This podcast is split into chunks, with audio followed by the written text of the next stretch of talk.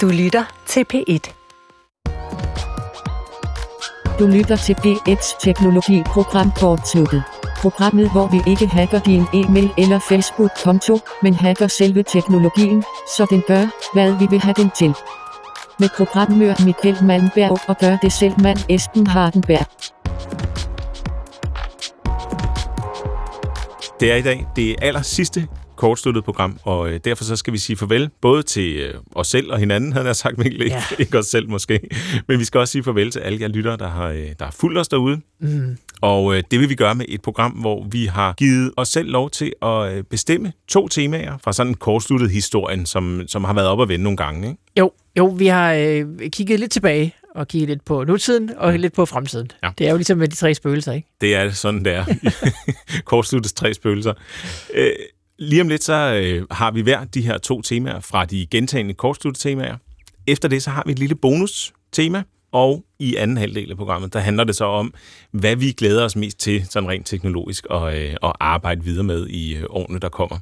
Og øh, skal vi ikke bare kaste os ud i det første, du får lov at lægge fra land, Mil? Jo, jamen en af de ting, der er sket øh, for mig øh, undervejs, mens vi optaget de her programmer, har været min, øh, sådan, øh, mit genbesøg til øh, computer og hardware i den forstand, at jeg har bygget min egen gamer-PC undervejs. Øh, Det gjorde jeg første gang, da jeg var måske 14 eller sådan noget. Øh, der var det selvfølgelig, øh, nogle, det så ud på nogle anderledes måder, og megahertzene hed noget andet.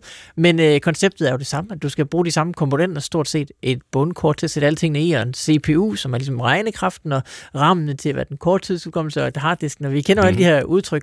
Øhm, og det sjove ved den proces er, at man får lov at vælge hver enkelt del selv. Så man vælger, starter med at vælge en kasse, så skal man vælge nogle komponenter, der passer ind i den osv. Øh, og, og under den rejse, der får man jo ligesom et, et nært forhold til alle delene, altså alt det, som en computer kan. Fordi når man bare køber sådan en færdig tømret MacBook, du kan jo knap nok få den åbnet op, altså den, eller telefonen for den sags skyld, de har jo sådan set de samme komponenter, i hvert fald i en eller anden forstand.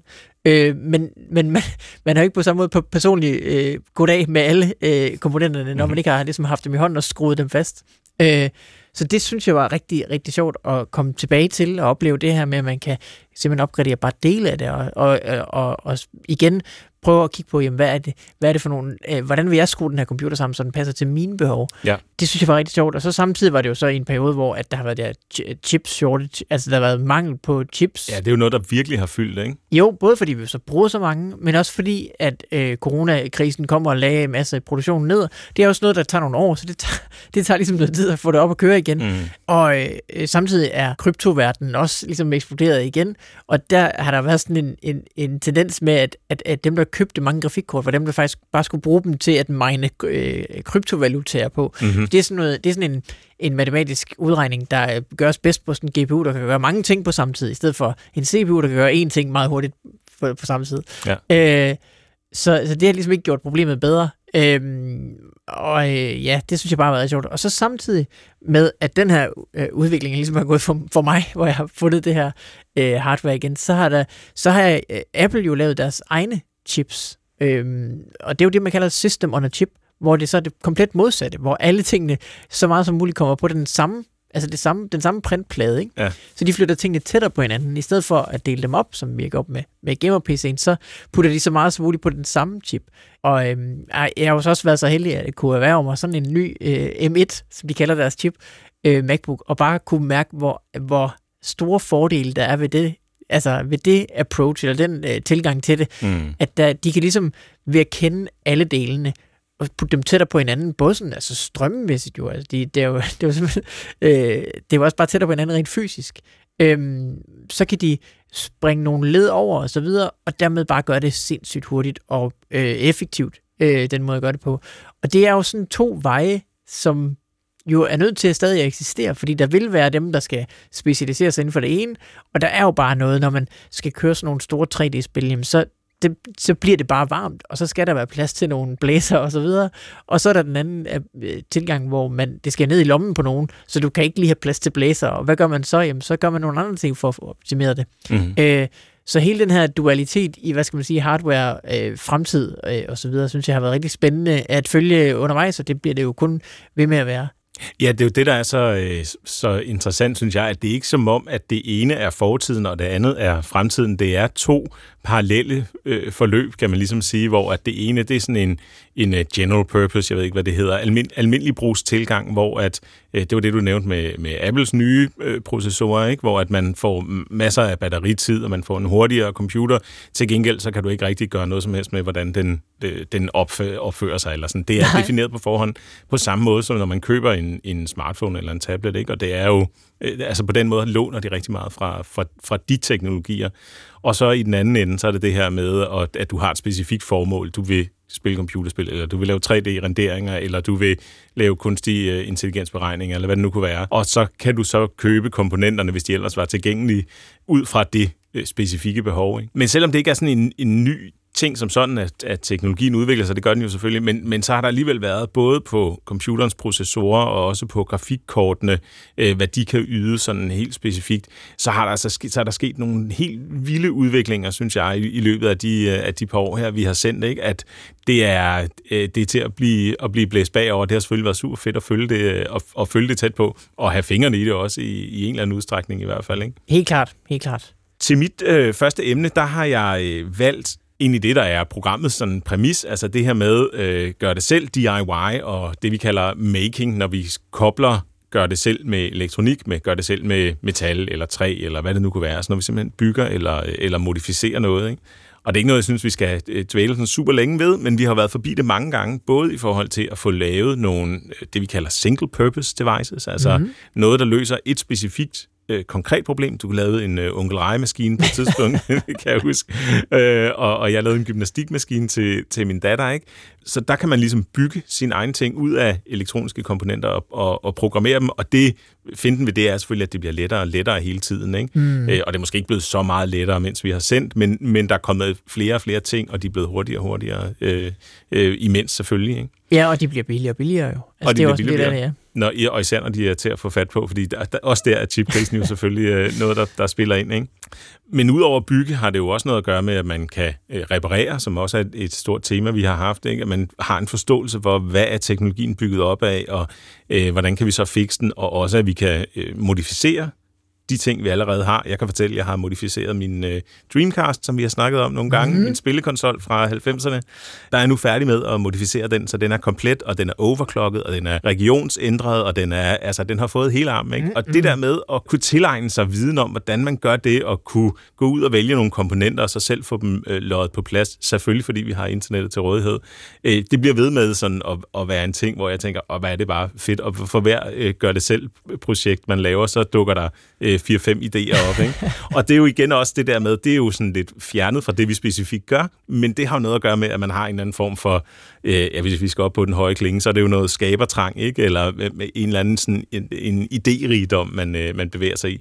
Øhm, så det synes jeg også, det skal også have en, øh, en plads på, øh, på hederstronen, eller hvad hedder det, sejrskamlen, som, som vi står og snakker om her. Ja, og specielt den sidste del der er, det, er jo, jo også øh, vildt, at nu, at nu er det sådan, at du kan lære alting på internettet mm. gratis. Altså, jeg så et boligprogram med en fyr, der købte et hus og ikke kunne lave noget renovation. Og så foregik hans dag simpelthen med, at han gik øh, på YouTube og så, hvordan lægger man fundament, og så gik han ud næste dag og gjorde det, og så gik han på YouTube og sagde, hvordan lægger jeg så gulv, og hvordan laver jeg så væg, og hvordan laver jeg så...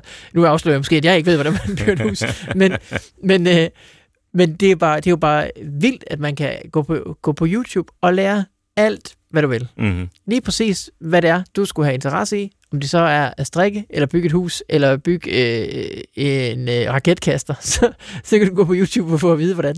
Og det, øh, det er da vildt, at hele verdens øh, viden på den måde er blevet øh, ligesom stillet til rådighed og katalogiseret. Ja. På dit øh, andet emne, der står der så blockchain ja. med store bogstaver. ja. ja, ja, men ja, vi starter med de her programmer, øh, hvor vi jo begge to øh, sagtens øh, altså kendte til Bitcoin og de andre blockchains mm. og så videre, og det... Øh, der, der har jeg forholdt mig utrolig øh, skeptisk. Altså, jeg har hele tiden været vågen for, hvad der sådan lige kiggede med et halvt øje derovre, og se, hvad det var, de, de lavede derovre. Mm. Men, øhm, men, men jeg har altid været sådan skeptisk, og det der sådan... Øhm, øh, hele finansaspektet med, at så går priserne op, og så går de ned, altså, det har ikke interesseret mig sindssygt meget. Det virkede en lille smule bare som om, det var spekulation, uden at være andet rigtigt. men så har det sidste års tid, og specielt måske det sidste halv, halve år, øh, det startede jo, da vi selv lavede programmer om NFT'er, hvor det ligesom blomstrede op i, i, i sådan den kollektive bevidsthed. Mm. Det her koncept med, at man kan have digitale objekter nu. Altså man har ligesom fået genopfundet ejerskab altså i det digitale øh, univers. Mm. Der var det som om, at der blev det også noget andet for mig, end bare den der øh, møntspekulation, som ligesom ikke var til at øh, øh finde ud af, hvad der, hvad der hvad, ligesom var fodbold, hvad der var fidus, og hvad der var godt nok. Øhm, og det må jeg sige er virkelig et sted, som jeg synes er utrolig spændende. Altså øh, det her med, at øh, jamen, både er der det, at man ligesom kan lave noget kunst og sælge det, og øh, øh, altså man ligesom kan få, at kunstnere kan få en levevej, som ikke bare er at lave reklamer for Coca-Cola, fordi hvis, du er digital kunstner, jamen, så havde du typisk kun én måde at gøre det på, og leve mm. af det på, det var ved at lave det for nogle andre, og det var så virksomheden, der havde penge til at betale for det, og så skal du så selvfølgelig skrive Sprite på, hvis det, hvis det er sådan, det er. Ikke? Øhm, men nu kan du simpelthen øh, lave dit kunstværk digitalt, og så er der nogen, der sætter nok pris på det, til de kan købe det, fordi der er det her koncept med ejerskab, som jo så godt nok ikke er et rigtigt værk, og der er det her med, at man kan højreklikke på det og gemme det og sådan noget. Der er nogen, der, der synes, at det, det, det smider det hele på, på gulvet. Mm-hmm. Men de gør det jo så åbenbart ikke for en hel masse mennesker, som vælger at deltage i det, bare fordi de vil købe nogle kunstværker, at, og støtte nogle kunstnere direkte, og nogle kunstnere, der lever af det, og nogen bliver jo simpelthen altså, styrtende rige af det, mm. øh, fordi de så, at det er populært. Og hvad kan man sige? Kunstverdenen har jo altid været fjollet. Altså, der har jo altid været det her koncept med, at nogle ting er mere værd, end man sådan lige sådan umiddelbart kan se, de skulle være værd, ikke? Mm-hmm. Øhm, nu er det så computerfiler. Nu er det så computerfiler, så det skal man jo hele tiden have i baghovedet. Altså, det er allerede et område, der er fjollet. Men bare det der med, at der ligesom er et koncept for ejerskab, som ikke er et firma, der er opfundet, men det er simpelthen det, det her det her decentrale system, som vi alle sammen ejer. Og nu, nu er der nogen, der gør det, og nogen, der kan leve af det, det synes jeg er dejligt at det så alt sammen er så, så hyper markedsdrevet, at det ligesom, det med, at blockchain startede med at lave pengene, det gør jo også, at mm. alting har en pris derinde. Ikke? Mm. og det, det er jo sådan bare et aspekt, som gør, at en hel masse, der måske ikke har den tilgang, at de bare vil støtte nogle kunstnere, men, men ellers bare vil støtte sig selv i at tjene nogle hurtige penge, ja. de kommer også rendende. Og det, det er der jo også meget af nu, at det ligesom er øh, folk, der prøver sådan at få folk, og nogen, der prøver at lave nogle hurtige penge, og nogen, der bare gør det for, altså du ved, det kommer ligesom altid med os, og specielt i et system, hvor det hele ligesom det udgangspunkt i pengene. Mm. Øhm, så det, det er jo sådan en blandet øh, landhandel på den måde, et blandet koncept, som jo både har nogle, nogle løfter, men jo også har nogle problemer, det fører med sig. Øh, men personligt synes jeg bare, at, at det her øh, år, der er gået, øh, specielt måske det sidste halve, der har jeg ligesom kunne mærke, wow, der sker et eller andet herovre, som, som kan være den retning, som det digitale øh, verden bevæger sig i. Og der synes jeg bare, det er sindssygt fedt at være med på et tidspunkt, hvor man godt kan være med som almindelig øh, enkelt person. Mm. Altså på det traditionelle internet, hvis du vil lave et socialt medie, Esben, det, det kan du jo ikke. Mm. Altså, for du skal jo have en milliard, million, trilliard, trillion investering i ryggen, fordi du skal kæmpe mod Facebook og Instagram.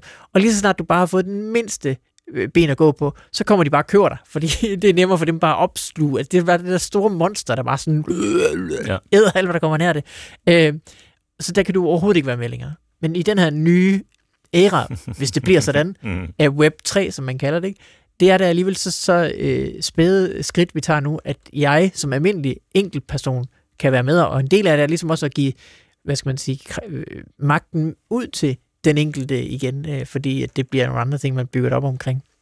Ja, nemlig, jeg, jeg har det delvis ligesom, ligesom du har det, begejstringen for det her med at kunne, at kunne skabe noget, også som, som kunstner eller øh, designer, eller hvad det nu måtte være, kunne sælge det og, og leve af det. Ikke? Det, det synes jeg også er, er rigtig fedt, men samtidig så synes jeg også, at det er komplet sindssygt. Altså, hvis, hvis man træder et lille bitte skridt uden for boblen, så kan jeg godt se, hvor uh, alt det her, som jo nogle gange er decideret had mod den her øh, udvikling, hvor det kommer fra, øh, fordi alle de her kritikpunkter, som, som vi ofte hører med, at øh, at, at nu er det ejerskabsfetishisme for eksempel. Hvor, hvorfor skal du kunne eje et billede, når det, når det kan kopieres i en uendelighed? Ikke? Mm. Og, øh, og, og der er et hvidvaskningsissue, og der er et, et, et øh, klimamæssigt issue, og alle de her ting anerkender jeg også øh, fuldstændig. Men omvendt, når jeg så sidder og, og tager del i det, øh, så, så synes jeg, det er spændende, og kan sagtens se det her med, hvor stor en forskel det gør for øh, almindelige, almindelige menneskers liv simpelthen. Ikke? Altså, at der er en ny gruppe af øh, kunstnere og kreative, som kan, øh, kan have deres levevej her. Ikke? Øh, og igen det her med, at, at der også er fællesskaber omkring det, som kan, som kan bringe noget godt med sig. Ja, jamen helt, helt klart. Det er, det er et, øh, det det er to sider svært på en eller anden måde. Men uanset hvordan man vender og drejer det, så er det noget, som er så øh, omfattende og som, som fylder så meget i den digitale sfære, øh, og også rundt omkring i aviserne efterhånden, ikke? At, øh, at det er umuligt bare, og det er umuligt at komme udenom. Det er simpelthen en, det er en, en, en sådan parallel virkelighed på en eller anden måde. Ikke? Ja. Og ja, nu sagde jeg før, at vi skulle øh, vende tilbage til spillene. Det andet tema, jeg har taget med, mit, øh, mit sidste tema for de programmer, vi har haft, det er øh, virtual reality. Mm. Og virtual reality er for mig, det var det, da vi øh, startede med at optage, men det er det i endnu højere grad nu, sådan den perfekte blanding af, af sådan lir og potentiale. Ikke? Ja. Fordi på den ene side, så er der de her øh, højteknologiske briller, vi kan tage på, og det er en gadget, og vi kan føle den, og, og så videre. Og så på den anden side, så er der alt det her løfte, vi har med, at der findes en virkelighed på den anden side af, af de små skærme der, der sidder foran vores øjne. Ikke? og, øhm, og, og jeg synes, at det er sådan en, en god kombi, som, som altid sådan vækker noget i mig på en eller anden måde. Ikke? Fordi vi er der jo selvfølgelig ikke nødvendigvis endnu med, øh, med det her løfte om et metavers, om en digital virkelighed, vi kan, vi kan leve i øh, på samme måde, som, som vi lever i den, i den øh, fysiske verden. Men for nogen fylder det rigtig meget, og, for, og nogen vil nok sige, at jamen, de er i det her virtual reality metavers. Og øhm, for mit eget vedkommende, der synes jeg i hvert fald, at i, i løbet af de to år her, nu har vi for nylig begge to anskaffet os sådan en øh, Oculus Quest 2 Ja. øh, VR-brille, som selvfølgelig er ejet af, af tech-giganten Facebook, så, så ja. der er lidt, lidt malurt, der kan drysses i bæret der. Ikke? Øh, men der har alligevel været nogle oplevelser, som har gjort, at jeg tænker, okay, men det er, der, der sker altså noget øh, nu her, synes jeg. Mm. For dit vedkommende, hvad, hvad, har været det, hvad har været det sjoveste på, øh, i virtual reality? Jamen, øh, jeg tror, at jeg... Øh, Øhm, det er også et sted, hvor jeg har været en smule skeptisk. Altså, jeg, jeg øh, synes ikke nødvendigvis, at det løfte tiltaler mig særlig meget, at jeg skulle kunne komme et andet sted hen og være en anden person, og så Mhm. bare begå mig der. Så, øh, det er ikke sådan noget, jeg har haft vildt meget sådan behov for.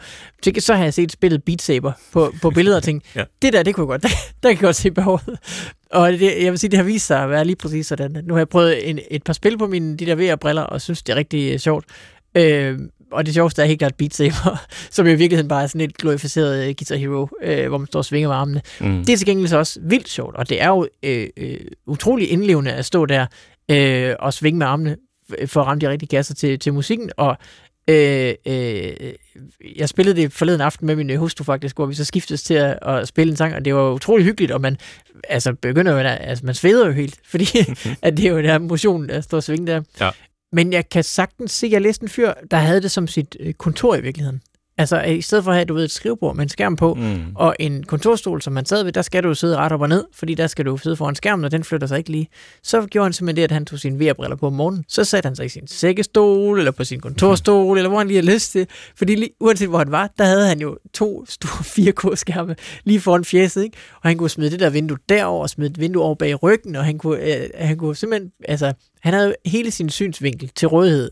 Øh, mere end sin synsvinkel, jo. Det var alle 360 grader til rådighed Mm.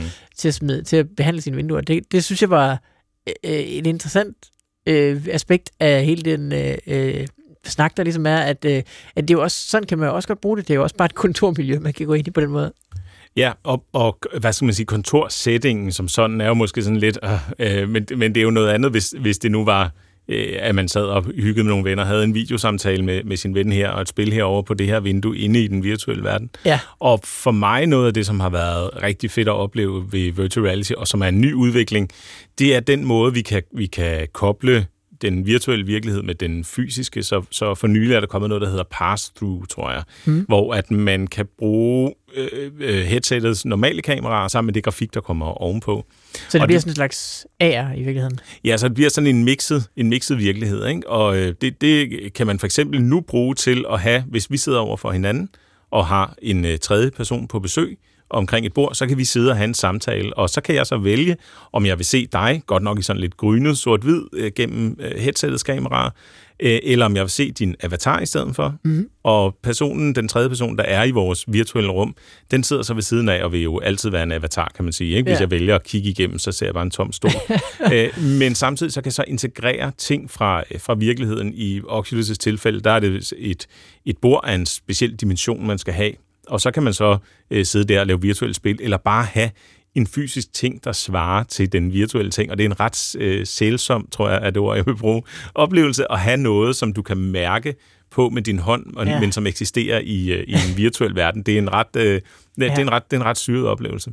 Men i hvert fald virtual reality, synes jeg, øh, har, har givet mig nogle ret vilde oplevelser i løbet af, af, af den tid, vi har, vi har haft programmet her, hvor jeg synes, at de fem år før vi nåede, vi nåede hertil, der var det mm. meget sådan, der fik man meget ofte, eller det gjorde jeg i hvert fald, fik meget ofte ondt i maven, og når jeg skulle prøve nogle spil, så var det noget, der involverede en helt vildt kompleks øh, opsætning. Ikke? Nu har jo. vi jo så øh, de her headsets, som er øh, standalone, og det, øh, det, det gør også en verden til forskel. Og koblet med de andre ting, der er det jo så bare... Øh, ja, du forestiller den der emoji, hvis øh, hjernen springer i luften, ikke?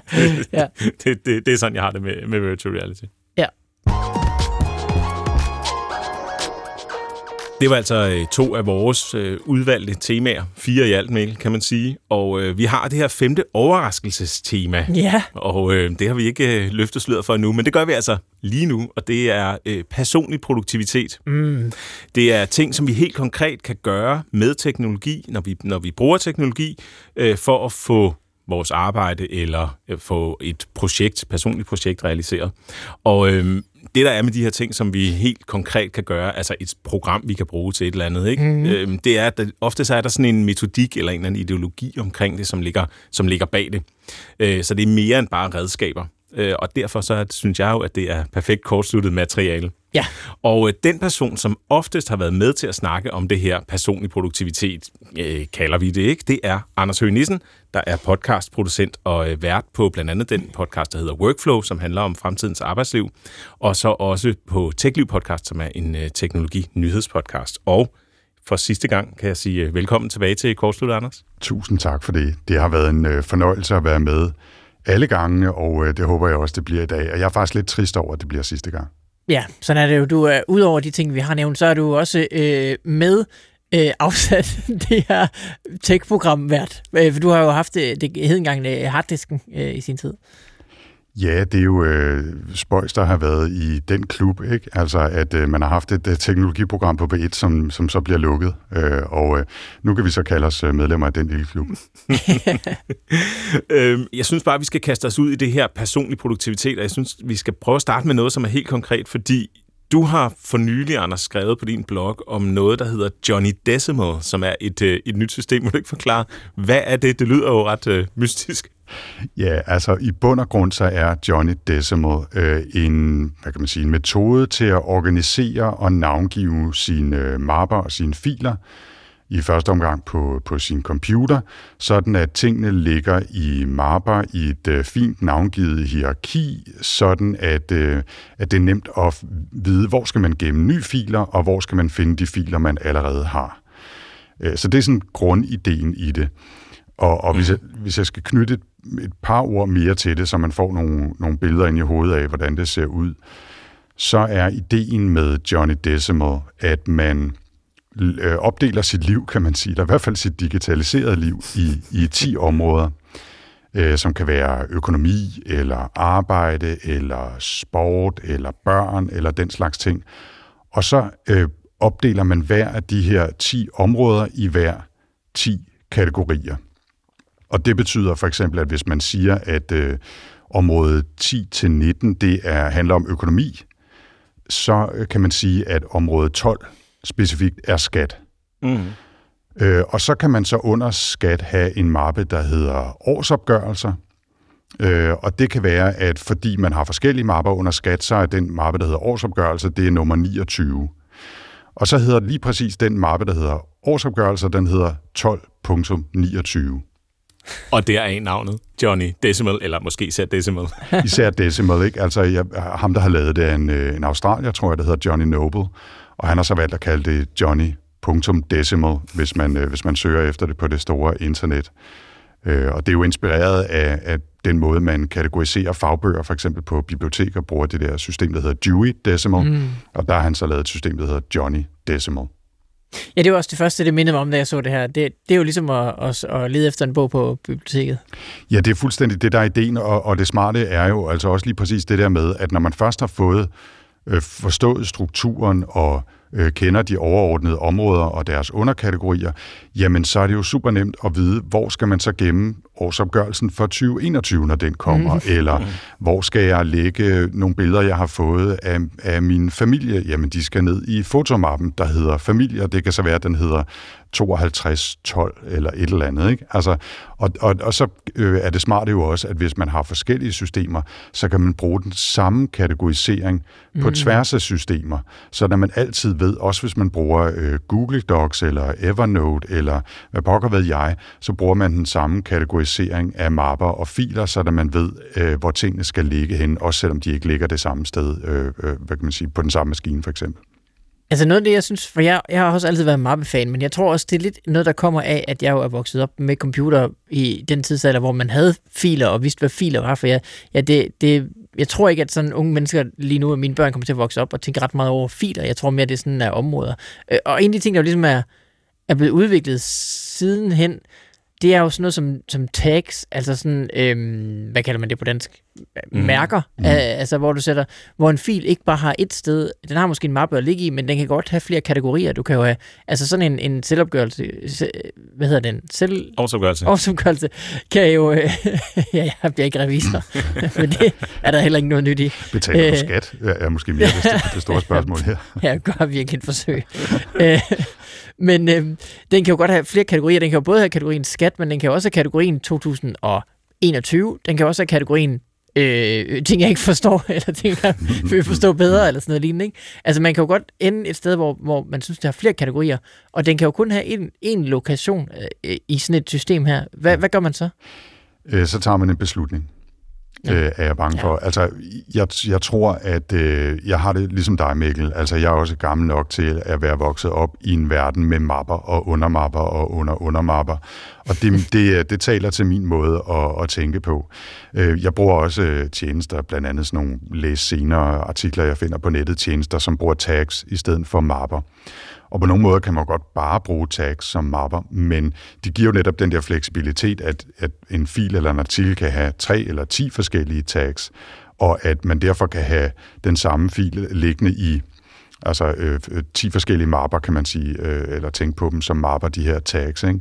Og det, det der er jo kæmpe værdi i, det gør det jo nemmere at finde, men for mig, det strider simpelthen imod min grundlæggende måde at opfatte verden på. Så, så det kan godt være, at det er sådan et gammelmands øh, system, det her Johnny Decimal, men, men nu er jeg jo også officielt en gammel mand, så på den måde, så, så taler det altså, det taler meget til min måde at tænke på. Det har vi så øh, officielt alle tre her. øh, men, men jeg synes også, at, at det er helt afgørende, det du siger med, at det, man har taget en beslutning. I meget af det her om personlig produktivitet, der handler jo netop om at have en, en eller anden metodik, man følger, ikke? Og, og have taget den der beslutning, i stedet for at man er sådan lidt, ah, nu prøver jeg lige at tage den her årsopgørelse, og den næste årsopgørelse, den lægger jeg så på mit skrivebord, og den næste årsopgørelse, den lægger jeg i en mappe, der hedder øh, årsopgørelser, ikke? Og, altså, det er jo meget det der med at vælge et system, som er på en eller anden måde valideret, øh, eller også vælge ikke, ikke at gøre det, så bare have det hele liggende og, og, øh, og bruge øh, de her tags i stedet for, ikke? Jo, altså du sagde du lige det der med bare at gemme tingene på skrivebordet, ikke? Altså jeg får simpelthen gøjseren af folk, der bare øh, lægger alle deres filer og mapper i, på skrivebordet i et stort rod. Altså, jeg kan, jeg kan mm. simpelthen ikke klare det. Jeg har ingenting på mit computerskrivebord. Det ligger alle sammen i, i filsystemer. Så har jeg ganske vist noget, jeg kalder en inbox, ikke, som kan være det, jeg lige smider ting, hvis jeg ikke har tid til at tænke over, hvor det skal ligge hen. Men så organiserer jeg det altså også senere. Ikke? Og, og jeg tror måske, en af grundene til, at Johnny Decimal taler så meget til mig, er, at jeg allerede har en mappestruktur, som er relativt fast, og som jeg genbruger på tværs af mine systemer, så jeg har den samme mappestruktur i mit noteprogram og i Finderen mm. på Mac'en, altså det, der hedder Stifinder på Windows, og i Google Docs osv. Så, videre, ikke? så, så hvad det, springet til at lave en ny strukturering, som er endnu mere logisk og, og fast, er, er ikke stort for mig. Det kan godt være, at det er et større spring for mange andre, men så kan man jo starte i det små. Der er jo der siger, at man skal kategorisere alle sine dokumenter på én gang på den måde. Det kan være, at man starter med det, der hedder økonomi, der handler om det derhjemme, eller det handler om et bestemt projekt på arbejde, som man prøver at kategorisere efter nogle af de her principper, og så se, om det fungerer øh, for en, så man laver sådan nogle små øh, beta-forsøg. Ikke? Hvad med sådan noget som bare at søge det frem? Altså nu kan jeg, jeg kan jo så nærmest svare på mit spørgsmål med det samme, men, øh, men øh, vi, er jo, altså, vi er jo lovet, når vi køber sådan en computer, den har Spotlight på din Mac, og det er Windows-søgning på Windows, at du kan bare skrive øh, noget af det, der er i filen, og så skal vi nok finde den. Det kender du fra Google, og vi er så vant til at søge. Er det ikke nok bare at kunne søge filen frem? Mm, det, nogle gange virker det, andre gange så virker det ikke særlig godt, hvis man ikke har navngivet sine filer, sådan at man kan huske noget af, hvad de hedder, eller øh, hvis man øh, ja, øh, bare har brugt den, den kode-defekt, at man downloadede et eller andet dokument fra nettet, så kan det være det noget, der overhovedet ikke giver mening. Ikke? Mm-hmm. Altså, så jeg, jeg synes tit, at jeg oplever, at jeg ikke kan søge ting frem hurtigt nok. Altså, så skal man, og så skriver man det navn, og så får man 10.000 filer, ikke? og så, nå, så skal man vælge, nå, det skal være en pdf, for jeg tror, jeg gemte den som en pdf, og så får man kun 1.000 filer, og så skal man sidde og kigge i dem. Ikke? Mm. Så, så for mig, der fungerer søgning ikke øh, lige så godt. Men jeg vil sige, altså, øh, at jeg har lige investeret mange penge i et, øh, en ny app, øh, som hedder Devon Think, som og det kan vi eventuelt vende tilbage til, hvis I er nysgerrige, men, men mm. kort fortalt, så er det det smarte ved det, at det er sådan en slags alternativ til, til Finder på Mac, eller øh, altså det, der hedder Steve Finder på Windows. Ikke? Altså et, et filsystem, som, som øh, hjælper mig med at organisere ting, og som så gør søgningen efter stof ekstremt hurtig og effektiv. Altså der er simpelthen noget indbygget Øh, machine learning magi i den øh, app eller det program, som gør, at den er virkelig, virkelig god til at kategorisere ting. Også hvis den, øh, filen ikke hedder noget øh, af det, jeg har skrevet, eller selv endda, hvis det ord, jeg søger efter, ikke står i filen. Hvis der så står nogle ord, som også står i andre filer, hvor det ord, jeg søgte efter, rent faktisk står, jamen så præsenterer den også mig for det, men måske længere nede på resultatlisten, fordi det nok ikke er det, jeg allermest søgte efter. Ikke? Og det fungerer crazy godt. Altså hvis, hvis uh, stifinder-systemet på Mac'en fungerede lige så godt, så, altså, så, ville det være, så ville jeg være en lykkelig mand. Ikke? Ja, det er jo kun verdens rigeste virksomhed. Jeg ved ikke, hvad du, for, hvad forventer af dem. man skulle tænke, at de, øh, de kunne finde ud af at, at, at smide lidt penge efter det også. Ikke? Men altså, jeg synes også, det er fint nok, at der er, er eksterne programmører, der så får lov til at lave noget. Ikke? Så. Ja, det kan godt have et øh, økosystem der. Præcis. Øh, men, altså, vi har jo vendt tilbage til det her emne igen og igen, og det er jo fordi, vi så, vi er så nogen, der, der sidder med computeren dagen lang og, og laver vores arbejde der, øh, ligesom dig, Anders. Mm-hmm. Og jeg, jeg føler lidt, der er, sådan, er øh, nogen, der som også er nærmest sådan lidt øh, øh, kode over det her emne, hvor det sådan kan blive ved med man kan blive ved med at bruge tid på at gøre det mere og mere og mere, mere specifikt, hvordan man skal bruge, altså sådan det der meta-arbejde, ikke? Mm. hvor man næsten aldrig nogensinde kommer til det der øh, med rigtig faktisk at lave sit arbejde, fordi man hele tiden øh, laver op i sin mappestruktur. Og så er der andre, der er fuldstændig, altså som du siger, ligeglade, smider det hele på skrivebordet og, og faktisk bare får lavet noget. Altså ja. hvorfor er det, det bliver ved med at være interessant, det her med at øh, finpudse, øh, altså øh, slibe øksen, kan man sige, i stedet for at fælde træet? Jeg tror, at det, det handler nok bare meget om personlighed, ikke? Altså, og hvilken tilgang man har til arbejdet. Jeg, jeg tror ikke, jeg vil sige, at der er en af dem, der er mere rigtig end, end andre. Jeg tror bare, at den her måde med at organisere ting og blive ved med at jage, øh, systemer eller metoder, workflow, som passer bedre til mig, er bare interessant, synes jeg også. Også på sådan et metaniveau. Ikke? Altså, det handler jo om, at, at vi bruger værktøjer, som skal hjælpe os med at arbejde, og det er jo alt andet sjovere at bruge en, en øh, velslebet økse end en hammer, hvis man skal kløve branden. Ikke? Altså, øh, og, og, og, og derfor synes jeg, det er interessant at arbejde med. Ikke? Øh, men altså, der er masser af tilgange, og nu vil jeg jo ikke nævne navne, men jeg arbejdede jo mange år sammen med en anden vært på programmet Harddisken på B1, som var min diametrale modsætning, og, og altså, det kan jo godt lade sig gøre at arbejde sammen, selvom hans Altså han havde, tror jeg, på et tidspunkt over 100.000 ulæste mails i sin indbakke. Ikke? Og, og hver gang jeg så det der røde badge med, med mm. altså seks tal på, for hvor mange, hvor mange mails han ikke havde læst, jeg, altså jeg fik det næsten fysisk dårligt, ikke? fordi jeg gik ja. efter det der øh, mytiske inbox zero. Så, Vi så står det, også og, øh, rykker lidt rundt i skoene herinde. ja, det, det er utilpas. øhm, så, så øh, altså, jeg, jeg tror ikke, der er noget øh, stort øh, svar på, hvad der er rigtigt eller bedst, men jeg tror, at det handler om at finde den arbejdsmetode, der passer bedst til ens eget gemyt. Ikke? Og, og mit gemyt siger, at det skal være organiseret, det skal være struktureret, det skal være til at finde rundt i. Og håbet er selvfølgelig, at når man så har det system på plads, så arbejder man mere effektivt, fordi man ved, hvor man skal finde lige præcis øh, det manuskript til en tre år gammel øh, udsendelse, i stedet for at man tænker, hmm, okay, jeg, nu går jeg i gang med at kigge efter de der 10.000 filer, der ligger på mit skrivebord, for, for et eller andet sted må den jo være der, ikke? Altså, så, så den tid, jeg har brugt på at forberede det, nok ikke meget større end den tid, man bruger på at lede efter det, hvis man ikke har, har forberedt det og struktureret det. Mm. Ja, og så er der også måske et sted, hvor altså, man skal også have nok, øh, hvad kan man kalde det, råmateriale til, at det giver mening at bygge det hele hus omkring det. Ikke? Altså, hvis Klar. det bare er 10 filer, så kan du nok godt finde ud af, hvilken en, der er hvilken. Men det, altså, hvornår kommer det punkt, hvor nu har du så mange, at du er nødt til at få dem øh, sorteret på, på den rigtige måde? For det, jeg kan da også tit fortabe mig i at lave det, det bedste notesystem, og bruge lang tid på det, øh, før jeg finder ud af, at jamen, jeg skriver jo i virkeligheden ikke særlig mange noter, og, og så er det, betyder det sådan noget i virkeligheden det kan hurtigt sådan gribe om sig, det her med at skulle planlægge alting i, i detaljer og, og så videre. Men jeg synes, noget af det, som for at vende tilbage til det, vi startede med at snakke om, det her system, Johnny Decimal, noget af det, der er stærkt ved det, det er, at det, sådan, at det netop er så manuelt, og det handler om navngive mapperne sådan her, og så har du ligesom en, en ramme, du kan, du kan fylde i, og så har man det der, øh, sådan den der basis på plads, ikke? Jo, og, og, og det er jo perfekt til en, øh, en juleferie. Altså, øh, hvor man har nogle fridage, og man alligevel ikke ved, hvad man skal lave, og lige den her tid, der er der jo begrænset, øh, hvad man overhovedet kan lave, hvis man gerne vil ud i virkeligheden. Så kan man lige så godt blive siddende derhjemme ved computeren, ligesom man gør til hverdag.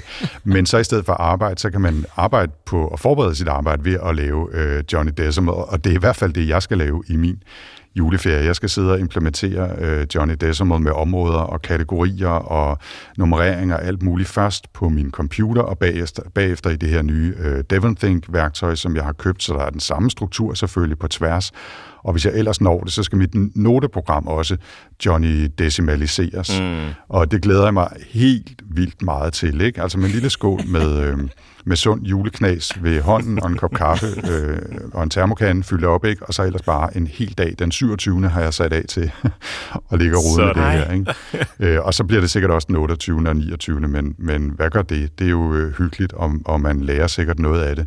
Og, og jeg tænker jo, at øh, i begge to øh, gerne vil hjælpe mig med at, øh, at linke til Johnny Decimal. Der er en fantastisk god forklaring på det store internet. Og man skal mm. også huske, hvis man gerne vil kaste sig ud i det, at gå ind og kigge på det nye forum, øh, Johnny Noble har lavet, øh, hvor en masse andre, der forsøger at implementere det her, diskuterer og hjælper hinanden. Øh, der, er, der er virkelig mange gode ressourcer derinde til øh, at komme i gang. Man kan samles om alting. Det kan man også, ja. Og i den her juletid, der er det jo vigtigt, at man samles ja. om et eller andet. Og hygger, og hygger med at nørde filstrukturer og mapper. Ja.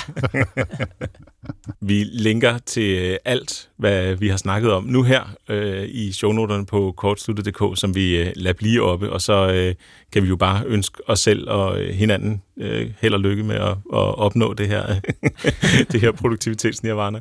Tak fordi du var med, Anders. Tusind tak, og øh, held og lykke til jer begge to fremover. Tak. Ja, tak. Nu er vi nået til øh, anden og sidste, aller, aller sidste del uh. af programmet, og øh, vi har snakket om nogle af de ting, som vi har haft op at vende, inklusiv øh, personlig produktivitet, eller personlig digital produktivitet, eller hvad vi skal kalde det, øh, i løbet af de seneste par år her. Men hvad så med de år, der kommer? Det skal ja. vi forbi her, inden vi, øh, inden vi takker af. Og øh, vil du ikke lægge ud med at fortælle, hvad, hvad glæder du dig mest til at øh, ja, involvere dig i, eller, eller øh, tage del i, i årene, der kommer sådan rent øh, teknologisk? Altså, øh, det er jo som om, der er en stor satsning på det, man kalder metaverset. Ikke? Fra nogle af de gamle firmaer, men jo helt klart også nogle nye firmaer, der dukker op. Øhm, og det er også et, et begreb, der begår sig rigtig meget i Web3, som vi har talt om, blockchain-verdenen, der hvor at metaverset også ligesom bliver... Der er mange ting, der bliver kaldt det, og der er mange bud på, hvad det er, og hvad sådan definitionen præcist er. Men øhm, kort fortalt er det jo sådan en slags meta-univers, altså et univers, som er separat for vores eget på en eller anden måde. Det ligger i det digitale, hvor mm. du kan gå derind, og så er der en verden, som fortsætter, når du ikke er der, øh, og du kan have en anden personlighed, en helt anden person. Du kan være en kat, hvis det er det, du har lyst til. Mm-hmm. Øh, men men øh, det er ikke det vigtigste. Det vigtigste er ligesom, at det, det er øh, sådan en verden, man træder ind i og kan tage del i. Og jo med VR-brillerne, som vi også har talt om, og med så, så mange andre teknologier, kan komme sådan tættere og tættere på en, en, en egentlig oplevelse af at være det andet sted, kan man sige. Ja. Øh, og det synes jeg er øh, spændende. Ikke fordi jeg sådan har vildt meget lyst til at komme et andet sted hen, men jeg kan se efterhånden, at øh, specielt der i, i, i blockchain-miljøerne, øh, øh som jeg begynder at begå mig i, at der er mange, der gør det, at de har faktisk en anden personlighed. Altså, de har en karakter, de spiller på en måde på nettet. Så de har en Twitter-profil, der måske endda hedder, øh, det, øh, altså, er opkaldt efter deres CryptoPunk, som er sådan et, et bestemt kunstværk, de har, der er nogle af de første, de første, så de er millioner af kroner værd. Ikke? Så når mm. du har sådan et, så er du ligesom, enten har du været der i lang tid, eller så er du bare stinkende rig. Men, men så bygger de hele deres identitet op omkring det her, det et kunstværk, og er det på en eller anden måde. Og, og der er jo ingen, der behøver at vide, hvem de er i virkeligheden, fordi de kan tjene penge med det her blockchains, hvor de ryger ind på øh, de her wallets, og så, jo, så kan det godt være, at når de skal have pengene betalt ud, jamen, så går det igennem Coinbase, eller hvem ved jeg, og så ved de godt, hvem det er. Så det er jo ikke sådan, at de kan øh, sælge heroiner og legemord, og så den, på den måde slippe af med det. Sådan er det ikke længere, heldigvis. Men, men den brede offentlighed behøver ikke vide, hvem de er, andet end det der billede. Og det kan de jo så også gøre over i metaverset. Når de så går derover, tager deres 3D-briller på og møder vennerne, jamen så er det ikke øh, Claus og Per, der kommer. Så er det øh, CryptoPunk 6529, som kommer og, og ligner det der billede, eller hvordan han, hun nu har bestemt, de skal se ud. Mm. Og hvad kan man sige, det har jo været en del af internettet i lang tid. Det der med, at man kan prøve at være noget andet, end man i virkeligheden er. Ja. Og for nogen er det jo en måde at snyde en masse mennesker og være ubehagelig på, men for andre er det jo også en flugt fra et liv, hvor de måske synes, det er i virkeligheden er træls at være. Og så kan man komme derind og være en held, og det, det, er, det, er, jo, det er jo fedt, lige så vel som det er farligt. Øh, men det er jo imod væk bare øh, noget, vi kommer til at se mere i fremtiden, i og med, at vi opfinder de her nye måder at opleve en digital verden på. Øh, og jeg synes også, det der aspekt med, at, øh, at man ligesom har øh, den her blockchain, og den delte øh, database der, hvor vi kan komme med vores egen data, som vi talte om, at man kan ha- have nogle ejendele også simpelthen mm. i den digitale verden, mm. som man ikke kan, nødvendigvis har i den virkelige verden, og det er ligesom er garanteret for, at du kan beholde dem osv.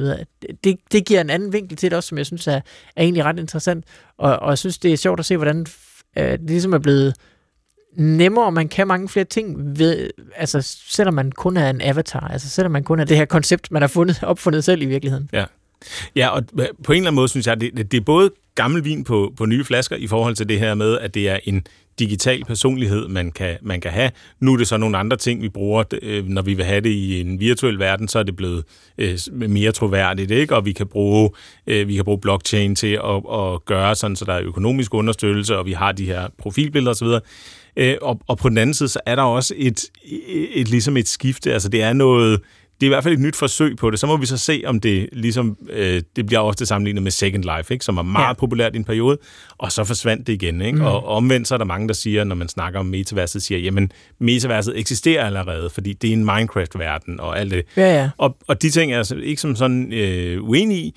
Det er bare en, der er bare noget mere nu, ikke? Mm. Øhm, og udover, som du siger, at, at man, kan, man kan bruge det til at flygte fra, fra en verden, så, øh, eller være, have en anden personlighed, så er det jo også bare en måde øh, for mange af os at kunne udleve en anden side af vores personlighed, eller simpelthen bare tilbringe tid og gøre nogle ting, som, som vi ikke gør i, i, øh, i den fysiske verden, øh, fordi det, det kan vi bedre gøre der.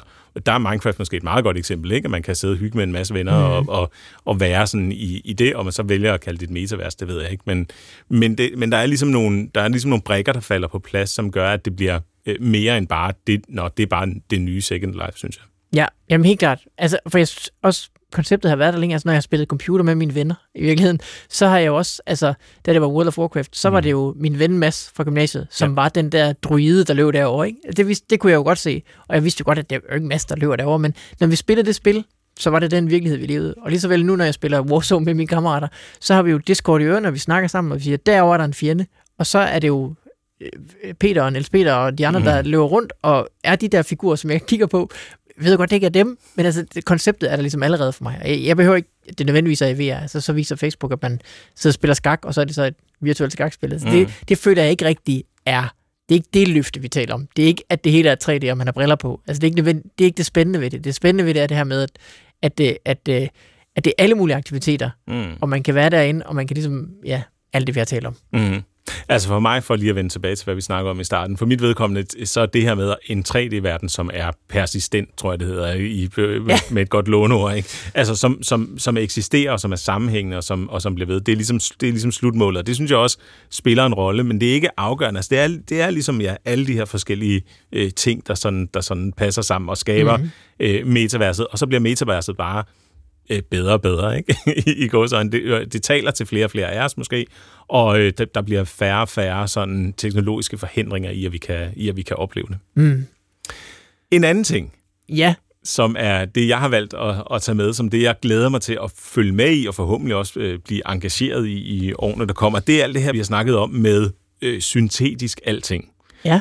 Jeg tror, det startede med, at der kom en, en hjemmeside, der hed This Person Does Not Exist, hvor Ja. det var en, en øh, kunstig intelligens, der skabte billeder af mennesker, som var ret troværdige. Mm. Og øh, det er så et eksempel, ikke? Men, men der har været alle mulige andre øh, eksempler, øh, tekster med den her øh, maskinlæringsmodel, der hedder GPT-3, har været et andet eksempel, hvor at du som, som øh, menneske skriver en, en øh, sætning, og så digter den her øh, maskinlæringsalgoritme så videre og, og får lavet en sætning, som er mere eller mindre troværdig. Og et eller andet sted, så synes jeg, at det er sådan en meget naturlig øh, forlænger, det koblet med, med, med nogle andre ting, en naturlig forlænger af, hvad jeg startede med at, at snakke om, som var Øh, making og gør det selv bevægelsen ikke med teknologi, hvor nu har vi loddekolber og skruetrækkere, og vi har øh, øh små mikrocontrollers, så vi kan lave vores egne gadgets og sådan noget. Men, men her er en måde ligesom at, at øh, holde en, en kunstig intelligens i hånden, øh, som så kan, kan hjælpe os med at, at skabe noget. Ikke? Og der er en altså lang, lang række af ting, som er dybt problematiske i forbindelse med det her selvfølgelig. Øh, deepfakes er det, der ofte bliver, bliver mm. hævet frem, ikke? og øh, manipulation af, af video, som man kan tro, at, øh, at øh, at Barack Obama siger et eller andet, som, som, øh, som han egentlig ikke har sagt osv. Men der er også rigtig meget, øh, ligesom de andre ting, vi har snakket om måske, ikke, som er bare virkelig spændende, sådan grundlæggende spændende at se, okay, men hvad, hvad vil de blive brugt til, ikke? Jo. Og noget af det, som er sket, det er, hvor overbevisende de her ting er. Øh, nu, nu står jeg lige og kigger på et tweet fra øh, den kunstner, der hedder Kyle McDonald, som har eksperimenteret rigtig meget med det her, og som har lavet sådan interessant digital kunst gennem en, en lang årrække. Ikke? Og han fremhæver så nu her, at øh, man kan instruere en af de her øh, øh, maskinlæringsalgoritmer til at lave øh, billeder, som har et specifikt indhold. Mm. Så for eksempel er der nogen, der har øh, bedt, øh, bedt algoritmen om at lave en corgi-hund med en nytårshat og en rød butterfly på. Mm. Og det får man så et billede, altså det ligner jo et foto, ikke? Det er et overbevisende billede af, altså det er jo ligesom, hvis du har sagt til en fotograf, og så stak hun ud og fandt en corgi og en rød butterfly og en hat. Altså det er jo virkelig overbevisende. Det, det er så skørt, ikke? Og det er jo ikke bare fotos. Man kan også sige, giv mig en håndtegnet tegning af en, en øh, rumelevator, og så får man det. Altså, Ja. der, er ingen, der er ingen grænser for, hvad, hvad, Nej. man kan, hvad man kan finde ud af. Og, og, og det er jo nogle fuldstændig skøre eksempler her, men når vi holder det i hånden og bruger det, altså har et eller andet, vi gerne vil skabe med det, så, så tror jeg, at det bliver helt vildt at, at se, hvad det, kan, hvad det kan drives til. Ikke mindst i forbindelse med for eksempel metaverset, ikke? hvor man ligesom siger, jamen lav en, en øh, virtuel verden til mig, som, hvor der kun skal være frøer eller et eller andet, ikke? og så, så- så får man det. Øhm, altså, der, der, er så mange, der er så mange ting, hvor det kan øh, hvor det kan, kan passe sammen med mange af de andre ting, vi, vi har snakket om. Ikke? Jo, og det er jo bare, altså, øh, at vi har fået lært computerne med, med det her machine learning-teknologi, at øh, altså os at kende på en eller anden Mhm. måde. Og det er jo så nemt at komme til at tale om det, som om, at de har en personlighed. Og det skal man bare huske, det er jo altid bare et tal og nuller i sidste ende. Der er jo ikke nogen personlighed. Det er jo ikke en computer, du spørger om noget som helst. Det er jo bare algoritmer øh, fra top til bund. Og nu har vi så bare fået abstraheret det så meget, at vi kan, at vi kan på en eller anden måde lære den at lave sine egne algoritmer, ved bare at vise den, det her det er de resultater, vi vil have, Mm. og nu kommer der noget nyt input. Øh, og, og, og det er jo bare vildt, altså, fordi det gør jo, at vi ikke behøver at skulle finde ud af, hvordan vi finder ud af det. At vi bare, vi ligesom bare kan vise den eksempler nok, og sige, "Jamen, det her, det, du, du kan finde ud af, hvordan du regner det ud. Fordi ja. vi kan ikke snakke computer, men vi ved, hvad mennesker vil have, og det er det her over. Og hvis du nu så bare lige får en masse forsøg, du kan tage en par milliarder forsøg, øh, så venter vi, mens vi henter kaffe imens, fordi det, det tager jo ikke længere tid end det, mm. så, øh, så kan den ligesom lære øh, at, at, at behage, også efter de ting, vi gerne vil have på en eller anden måde. Altså, det er jo, det er jo øh, absurd, og det kommer så nemt til at lyde som om, at det er en personlighed. Og det er jo Mm. også det, der sådan ligesom er det der kunstig intelligens endemål, eller hvad skal man sige, det er jo singulariteten, som jo er den der altopslugende øh, computerbevidsthed, øh, bevidsthed, som jo øh, æder os alle sammen, og det er jo, det er jo selvfølgelig frygten, men også drømmen og, og alting for alle. Øhm, det er jo måske ikke så øh, øh, varmt emne, som det har været, fordi det ligesom heller aldrig bliver til mere. Altså, øh, machine learning bliver bedre og bedre, men det er også tydeligt for os at se, at jamen, det er heller ikke sådan en generel intelligens. Ja. Altså, det er også det, det bliver, det er jo specialiseret intelligenser, og de, de kan jo lave altså, øh, helt vilde ting. Jeg synes, jeg var virkelig øh, slået bag over det eksempel, vi lige har, har snakket om med, med de billeder, hvor, det, mm. hvor du simpelthen bestiller noget helt absurd, og så tegner den bare der, og det ser jo øh, altså, ud som om, at du har bedt et menneske om at gøre det samme. Ja. Øhm, men vi har jo stadigvæk ikke set noget sådan i retningen af generel intelligens, altså hvor det sådan er, øh, øh, hvad hedder du? Eller sådan, mm. Mhm. Jo, så, så er det sådan GPT-3, hvor den kan lære at svare, som, som vi gør, men ja, ja, jeg ved det ikke. Nej, det, det er rigtigt nok, og det, som jeg så synes er, er særlig interessant, det er netop det her med, at vi øh, holder, holder maskinen i hånden, eller hvad man skal sige, ikke? at det, det er på en eller anden måde et parløb. Så kan det godt være, at vi ikke helt rigtig ved, hvad det er, den egentlig, den egentlig laver bag facaden. Det er heller ikke nødvendigt, hvis vi får det resultat, som, øh, som vi gerne vil have. Ikke?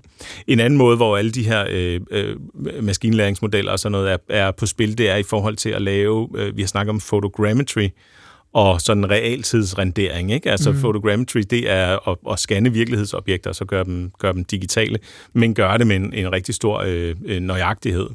Og der er også en masse på spil der nu, øh, både algoritmer, men også, også specialiseret hardware, og det er nu så tæt på os mennesker, at det sidder i, i vores øh, nye telefoner for eksempel. Ikke? Mm. Og det der med at kunne, at kunne tage det, altså det hele er jo, ja, det er jo det, man kalder konvergens, tror jeg med et fint ord, ikke? at det hele smelter sammen, ikke? Metaverset kan måske udgøres af en computermus eller øh, øh, en colaflaske, vi har scannet med vores smartphone i den virkelige verden og, og, og puttet derind. Ikke? Og det har vi haft en masse algoritmer osv., der har hjulpet os med, uden at vi nødvendigvis har skulle styre dem direkte. Ikke? Og, øh, og, og det synes jeg sådan er, er, er den sidste ting, som går meget godt hånd i hånd i forhold til det her med øh, gør det selv aspektet, ikke? at vi har en hel masse øh, kunstig intelligens assisterede ting, som vi nu kan, kan, kan bruge til at, øh, til at gøre det selv med, eller hvad man skal sige. Ja. altså, vi kan, vi kan bruge det til at, til at skabe med. Om vi så bruger det med et kreativt mål for øje, som jo selvfølgelig er, er noget af det, vi synes er, er super spændende, eller om det er med politisk manipulation eller et eller andet andet, det er jo, det er jo så spørgsmålet, der skal man sørge for at, at, at lande på den rigtige side. Ikke? Jo, og det er også bare, altså der er jo, der er jo så mange ting i den virkelige verden, som er svære at modellere. Altså hvis du skal modellere i 3D sådan en, en, en bjerggrotte eller sådan mm. noget, ikke?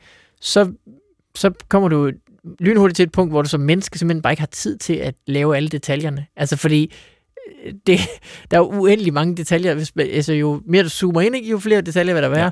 Og, og, øh, øh, og det kan man bare aldrig nogensinde. Så begynder man at gentage sig selv. Og når man så kommer og spiller det spil, eller er der i det miljø, så ser man alle de gentagelser. Fordi mm. det, det er vi jo også gode til mennesker. Sådan, øh, øh, mønstergenkendelse. Ikke? Det er jo lige præcis det, vi kan. øh, så, øh, så det, at man kan gå ind i sådan en bjerggrot, og så bare scanne det hele, og så har du det miljø på, i computeren også, fordi du, du har ikke behøver at lave alle detaljerne. Det er ligesom bare et øh, kamera, der bringer det direkte til 3D-software og så videre. Det gør jo også, at man kan lave en hel masse andre ting. Så vi ser jo allerede nu, at, at sådan noget som filmsets, altså hele den her Star Wars Mandalorian-serie, er jo stort set optaget i green screen, det hele. En computer, ja. og så øh, går de i Unreal Engine, som i virkeligheden er lavet til at, at, at lave spil, og så laver de bare filmsæt der, og så, så kan man klare det hele der. Det giver os jo nogle helt vilde muligheder. Men det kommer også, som du selv siger, tættere og tættere på realtid, altså hvor man ikke behøver at skulle render det på forhånd, fordi når du laver Mandalorian, jamen, så bygger du det hele, så siger du til computeren, lav en film ud af det, og så går der jo altså 14 dage, hvor den bare står og kværner og prøver at lave de her scener, fordi mm. de skal være flotte. Men vi kommer sætte og sætter på, at hardwaren er hurtig nok til at gøre det uden at bruge 14 dage. Altså det er fra det ene sekund til det andet.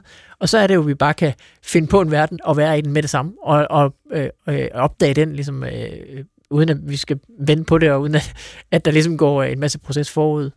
Det er evigt fascinerende, synes jeg, og det er selvfølgelig også derfor, at, øh, at den er med her. Som rosinen i pølsen, fordi ja. uh, nu er vi nået til programmets afslutning. Vi er tæt på årets afslutning ja. også, og så videre. Uh, tak for nogle gode timer. I lige måde, Esben. Og uh, også tusind tak til alle jer, der har lyttet med derude og har øh, sendt ind, skrevet på Twitter eller sendt ind. Både jer øh, nørder, som har, som har skrevet rigtig meget, det har været en, en kæmpe fornøjelse, men jo også, og måske lidt uventet øh, for mig, alle jer, der har skrevet en mail øh, en gang imellem med, med et eller andet helt specifikt, uanset om det så er, hvad hed det lige, det der program, I snakkede om der og sådan noget, men det har virkelig kommet fra en hel masse forskellige slags, øh, slags mennesker, alle aldersgrupper og køn og så mhm. videre, og øh, det, det, har været en, øh, det, det har været mega sjov at, at, opleve det engagement fra, øh, fra jer derude. Så øh, stor, stor tak for at, at tage del i vores, øh, i vores lille univers her. Ja, det har også øh, overrasket mig, og det er måske det, der kommer med, øh, hvad skal man sige, platformen, altså det er, som jo bare er, er os alle sammen, for os alle sammen, det tror jeg ikke alle vil være enige i, men i hvert fald så gør vi det et forsøg. Og øh, jeg synes, at, øh, at øh, jeg er rigtig glad for, at vi både har kunnet være rigtig langhåret som tider, og gå i detaljen med tingene, og tale om dem, som de i virkeligheden er, uden at skulle pakke det ind i alle mulige metaforer, så har vi selvfølgelig gjort en, en, en indsats alligevel. ja. Det er som at stå i en flod, ikke? Jo, det er det. så så, så er, er jeg glad for, at, det alligevel har været på en måde sådan, at øhm, lyder det som, at mange kunne følge med. Fordi jeg er sikker på, at hvis vi bare havde været en, en tech-podcast med os to øh, hoveder, jamen så havde vi nok også øh, skulle passe ind under nogle andre for, øh, former og lave nogle andre formater, men mm. det har jo også i hvert fald været nogle ting, som, som en masse mennesker, der så har opdaget øh, kortsluttet og fået øh, lyttet til det alligevel, ikke har, øh, havde fundet, hvis det bare havde været sådan. Så det er, det er jo virkelig været et privilegium, at man kan på den måde få lov at, at tale ud til mange øh, om noget, man synes er så evigt spændende, som jo er øh, den teknologi, teknologiske verden, som vi mere og mere lever i. Ja, og øh, nu kender vi ikke til, om der kommer en afløser, en, altså et teknologiprogram på, øh, på DR. Hvis der gør, så lægger vi link til det i shownoterne på kortsluttet.dk, og der kan ja. vi jo så også garnere med links til diverse danske, danske podcasts, som vi, som vi synes er interessante. Det var da en god idé. Og, og vi lader kortsluttet.dk være oppe lidt tid endnu, så I kan gå ind og finde øh, noterne fra, fra alle de tidligere programmer også. Og, og ja, jeg tænker også, at programmerne kommer til at ligge. De er jo sådan rimelig og programmerne kan altid høres aktualitetsværdi også, så det er ja, ikke sikkert, at de bliver ved med at være aktuelle, men øh, de skal da være der. De, de ja. ligger og, og kan stadig lyttes på, øh, på DR. Hvad men, med dig, Esben? Skal du øh, lave noget øh, i fremtiden? Jeg satser på at skulle lave noget. Ja. Præcis, hvad det bliver. Et det, det ved jeg ikke. Måske skal jeg dykke ned i, uh, i det her med realtidsrendering og Unreal Engine efter, efter nytår. Jeg ja. har ikke noget på, uh, på beding som sådan. Så øh, det er jo bare spændende, hvad det, er hvad der det nogle øh, podcast-drømme eller sådan noget? Jeg kunne sagtens forestille mig at lave, øh, at lave flere podcasts. Før jeg startede DR, der lavede jeg jo også podcasts på, øh, på egen hånd. Men øh, jeg har selvfølgelig også en familie og et hus og sådan noget der, så øh, jeg skulle nok vente. lige så for at lande et, et lønjob først. Hvad med ja. dig? Jamen altså, jeg synes jo, øh, jeg har sådan en skrækkelig tendens med, at jeg synes, det er dejligt, at folk kigger og lytter til mig. så jeg skal nok finde på en eller anden måde at udkomme på på et eller andet tidspunkt. Jeg har ikke så nogen konkrete planer, men... Øh, men et eller andet skal det nok øh, finde på. Ellers ja. så synes jeg jo, at, øh, at det, vi har fået en del af den øh, lyst stillet på, på Twitter øh, primært, så der kan man jo altid finde mig. Mm. Og du er jo lige stoppet i dit øh, andet job ja, også. Ja, det er også korrekt. Ja, og stopper det her nu også. Mm. Så, så jeg går ud i sådan i, også i intetheden, øh, men ved godt mod. Det er faktisk det, har jeg haft lyst til. Så det, det er spændende, hvad der ser. Vi må jo gå ud i uh, intetheden sammen. ja. ved, ved godt mod, heldigvis. ja. Tusind tak til jer alle sammen, fordi I har uh, lyttet med til Kortsluttet. Og uh, fra nu af kan I så uh, fange os online. Eller i metaverset. Godt eller, nytår. Eller i metaverset. Godt nytår.